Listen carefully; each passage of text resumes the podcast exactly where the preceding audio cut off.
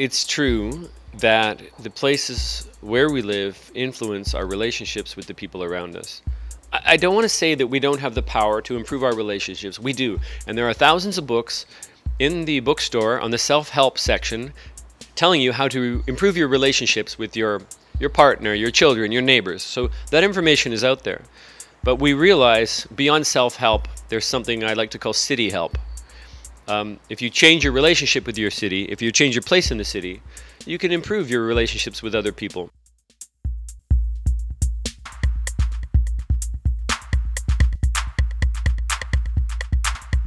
Let me start uh, with saying that we had such luck uh, meeting Charles Montgomery here in Wrocław.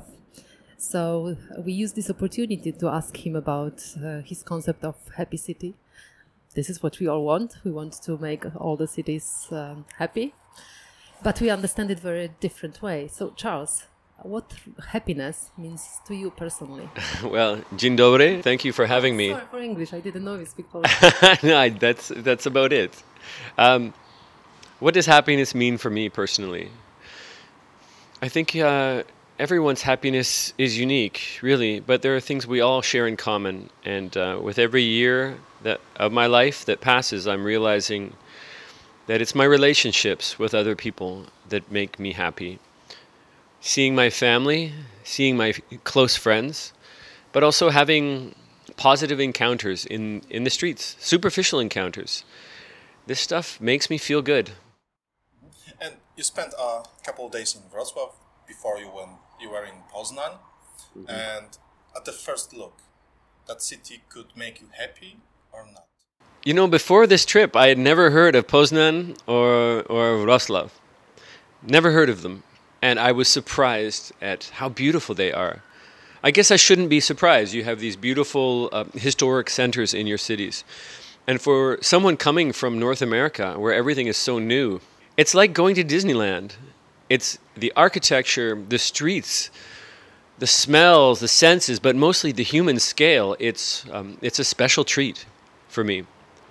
So I, I love it. I really love it. I'm especially noticing in both cities how you're reinvesting in public space.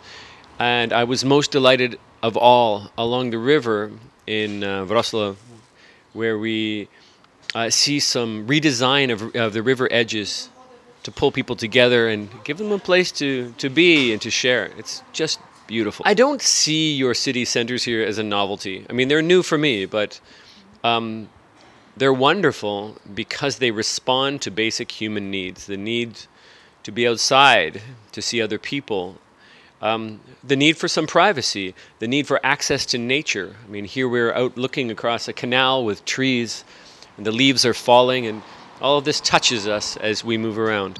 Do you think that those emotions that you feel when you come to some city, your first impressions, are the same emotions that people have living there? Or how much the perspective of someone from outside differs from inside? It's funny, the Turkish writer Orhan Pamuk wrote that sometimes it's the people from outside, the ephemeral visitors who understand a place the best.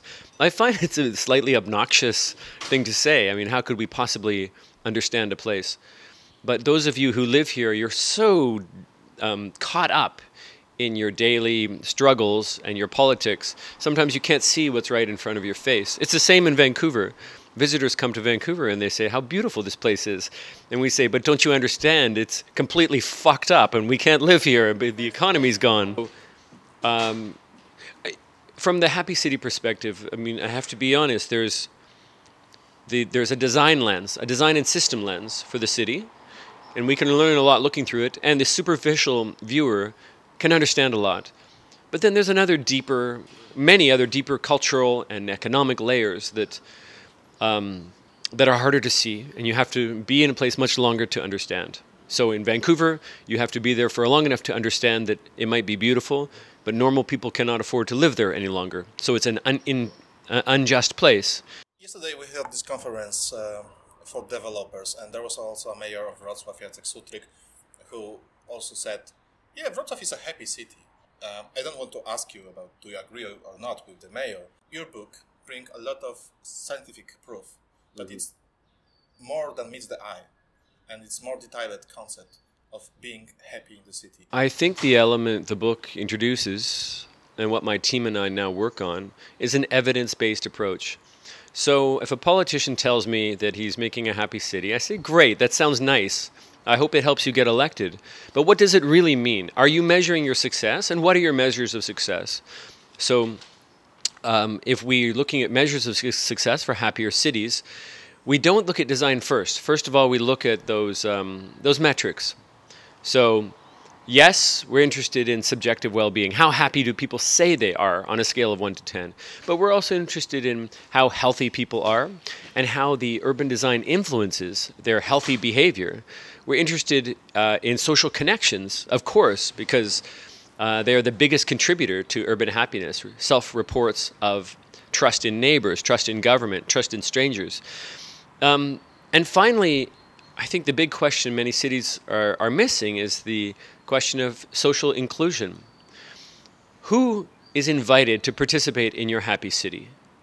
We know in a city like Wrocław, for example, uh, a, a, large group of people are not really invited to participate here. They're the very poor people living in polluted, um, polluted neighborhoods outside of the city center.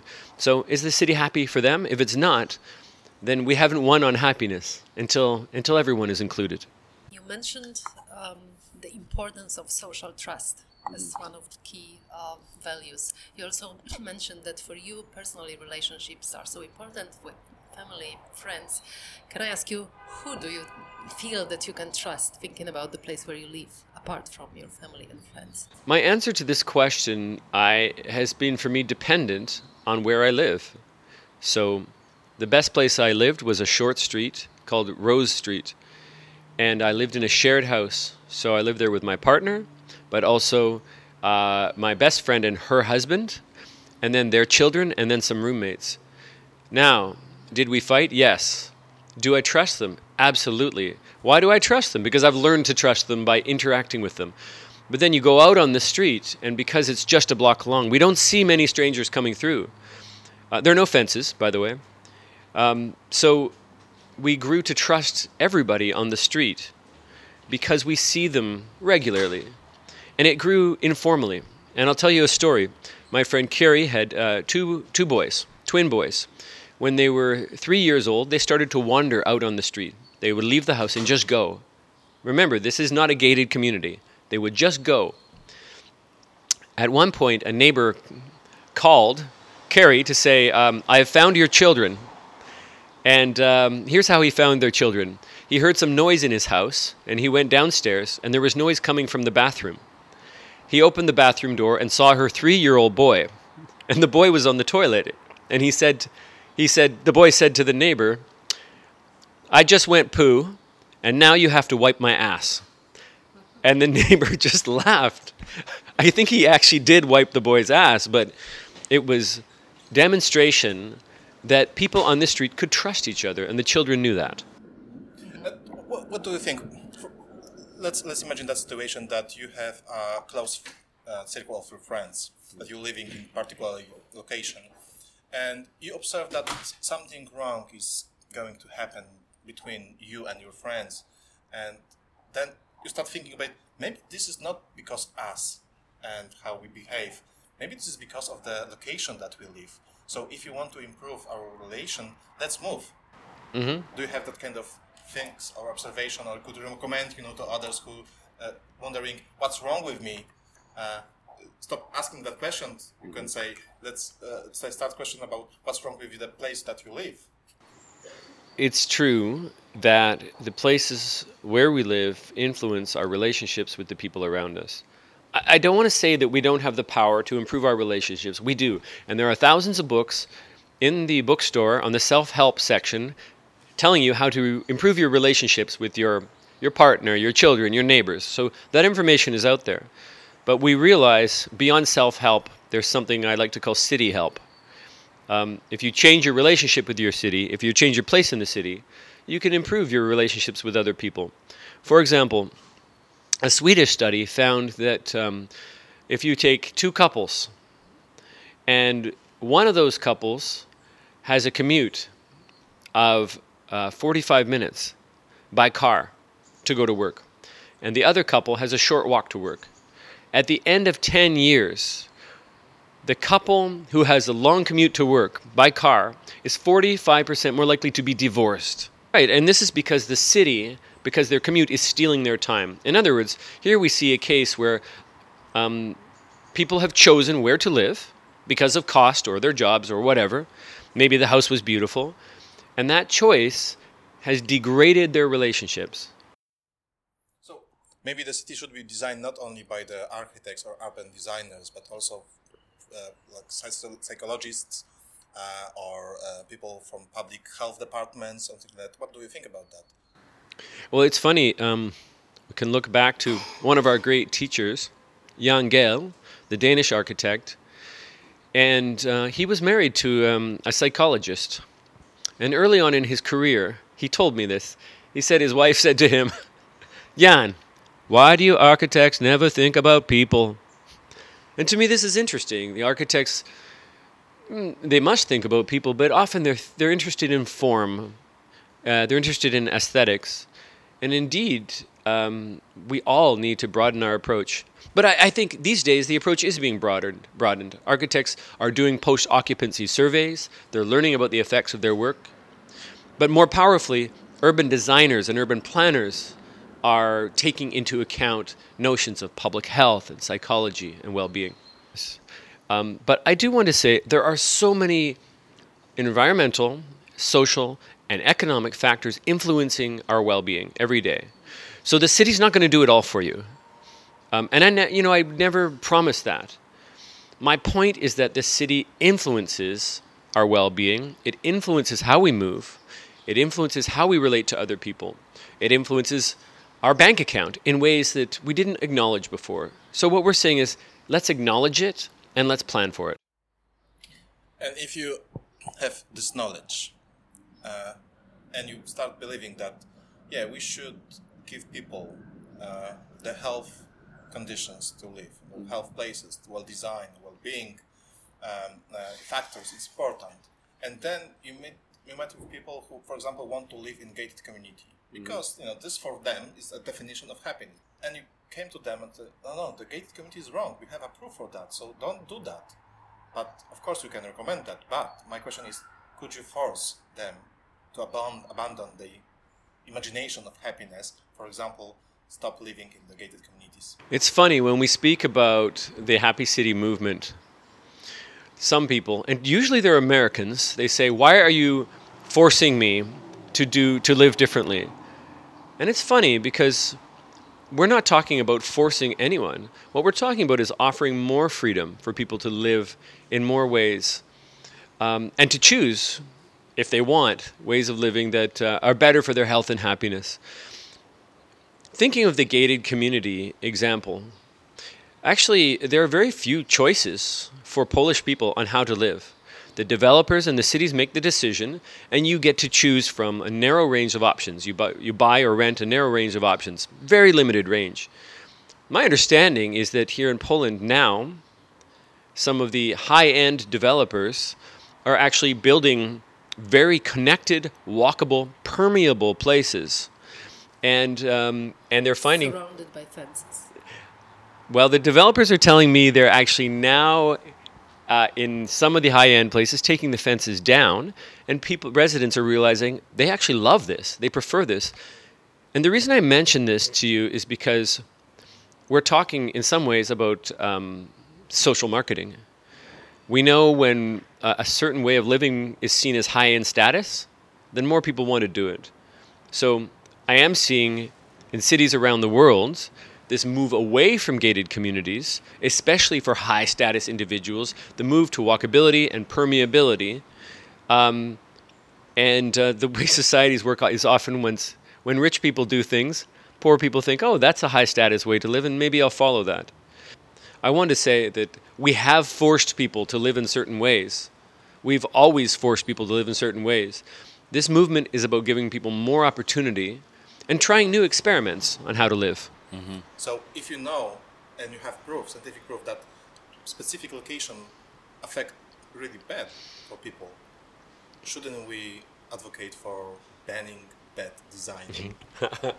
Should we ban bad design? Um, What is bad design? yeah, of yeah. Um, It's an interesting question. Uh, I think uh, there's a case to be made for banning uh, certain kinds of design that are deadly. For example, certain kinds of roads are deadly and they put people's lives at risk. Uh, you know, I'm talking specifically about wide, fast roads in the city center. I mean, there's no place for wide, fast roads in the city center. People are dying on them. Children are dying when they try and cross the street. It shouldn't be allowed.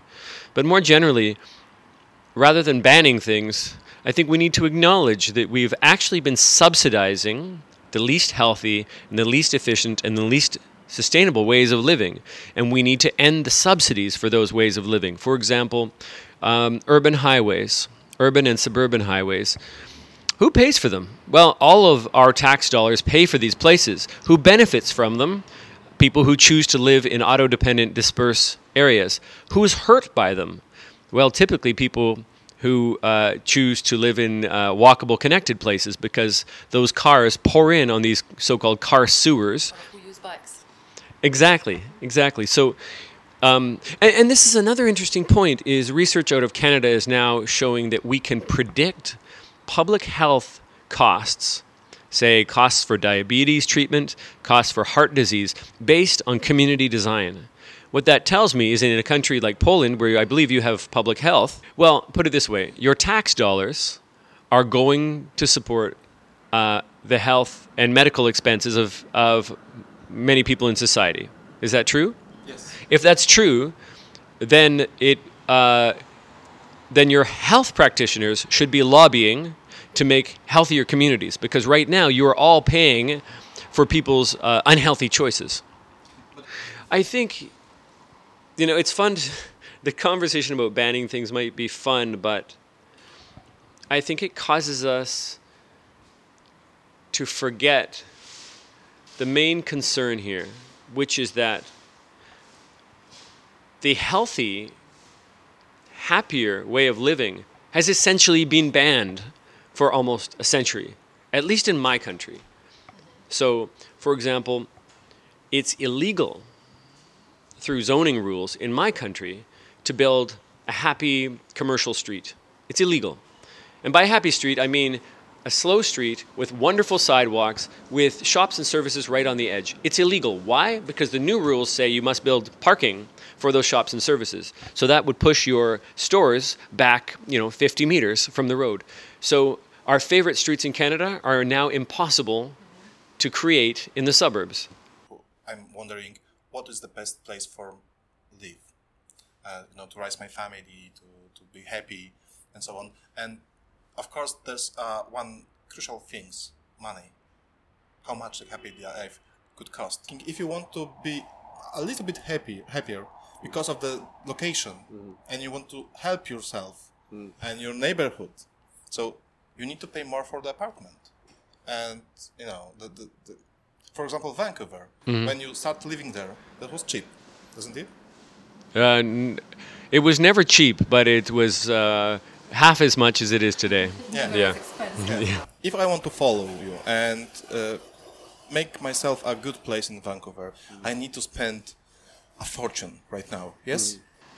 Yes, this is the challenge. Uh, the wonderful, walkable, healthy places in this world are now getting very expensive. And they're getting expensive for two reasons. Number one, people have realized they're wonderful and they want to live there. And so there's high demand. Um, number two, we live in a world where global capital is mobile and it seems to be following this high demand to these places. So in London, you have Russian oligarchs buy, buying townhouses in the best parts of the city. In Vancouver, you have uh, uh, Chinese uh, billionaires moving their money to the city because they think real estate is a safe investment. So, what do we do about this? Well, first of all, I mean, we have to we have to acknowledge the issue that global capital um, uh, is mobile, and we have to find ways to ensure that the housing in our communities serves people in our own communities. So this means more government housing, more non-market housing, and more models like rental housing that can um, be less affected by global capital. But second of all, it is a problem of supply and demand. Because we stopped building these places for 80 years, we need to move swiftly to ensure that our newer neighborhoods are walkable and connected and healthy. In Canada, this means our suburban communities, they need they need neighborhood hearts, the hearts they never had. What we're doing is taking underperforming uh, retail centers and turning those into actual neighborhoods with a connected street grid.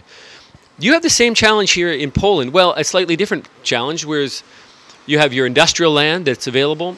You also have these large housing estates with um, huge swaths of underperforming social space. And by that I mean, you know this stuff. They, they're used for parking or lawns, but they don't perform a social function. That space can be used. Okay, just one question. Let's leave the happy city for a moment. Um, I was uh, wondering, also reading your book, uh, because you um, you checked so many different statistics and research and reports. So, what do you say that is the dominant feeling right now? Are people happy in cities, or rather, you man you met many statistics proving that people feel lonely, that uh, lost? You know, those feelings that are contrary to happiness. There's a tension at play. Um, many Studies of self reported happiness and social trust show that small towns are really the great place to live. But guess what? We keep moving to cities, and it's not going to stop uh, for opportunity, for novelty, for a host of reasons. So, what do we do about that?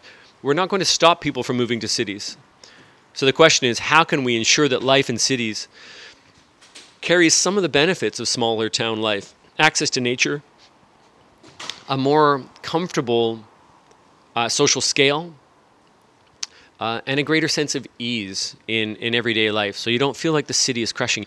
So this movement towards happy cities uh, encompasses these things affordable housing, access to employment, um, reasonable, comfortable transportation, um, ease of movement, resilience, economic um, abundance. All these things are important. And uh, uh, well, all we're saying is it's important to take an evidence based approach to see what really works, not, not have growth just for its own sake. And when we build housing, we don't build housing just to say we build X number of units and that we're moving machines into these units. We aren't machines, we're souls. We have a deep need for social connection. Okay, and this is the purpose of our series of podcasts about souls, about treating people as a souls that live in the city and how to, you know, could we help ourselves, how, how the, we can organizing the better environment for us. It's gonna be experimental approach because just we're looking for answers. We don't have any thesis for that but Charles give us a kind of framework for that. Okay, thank you. So we'll be waiting for you in Gdansk. thank you. Dziękuję.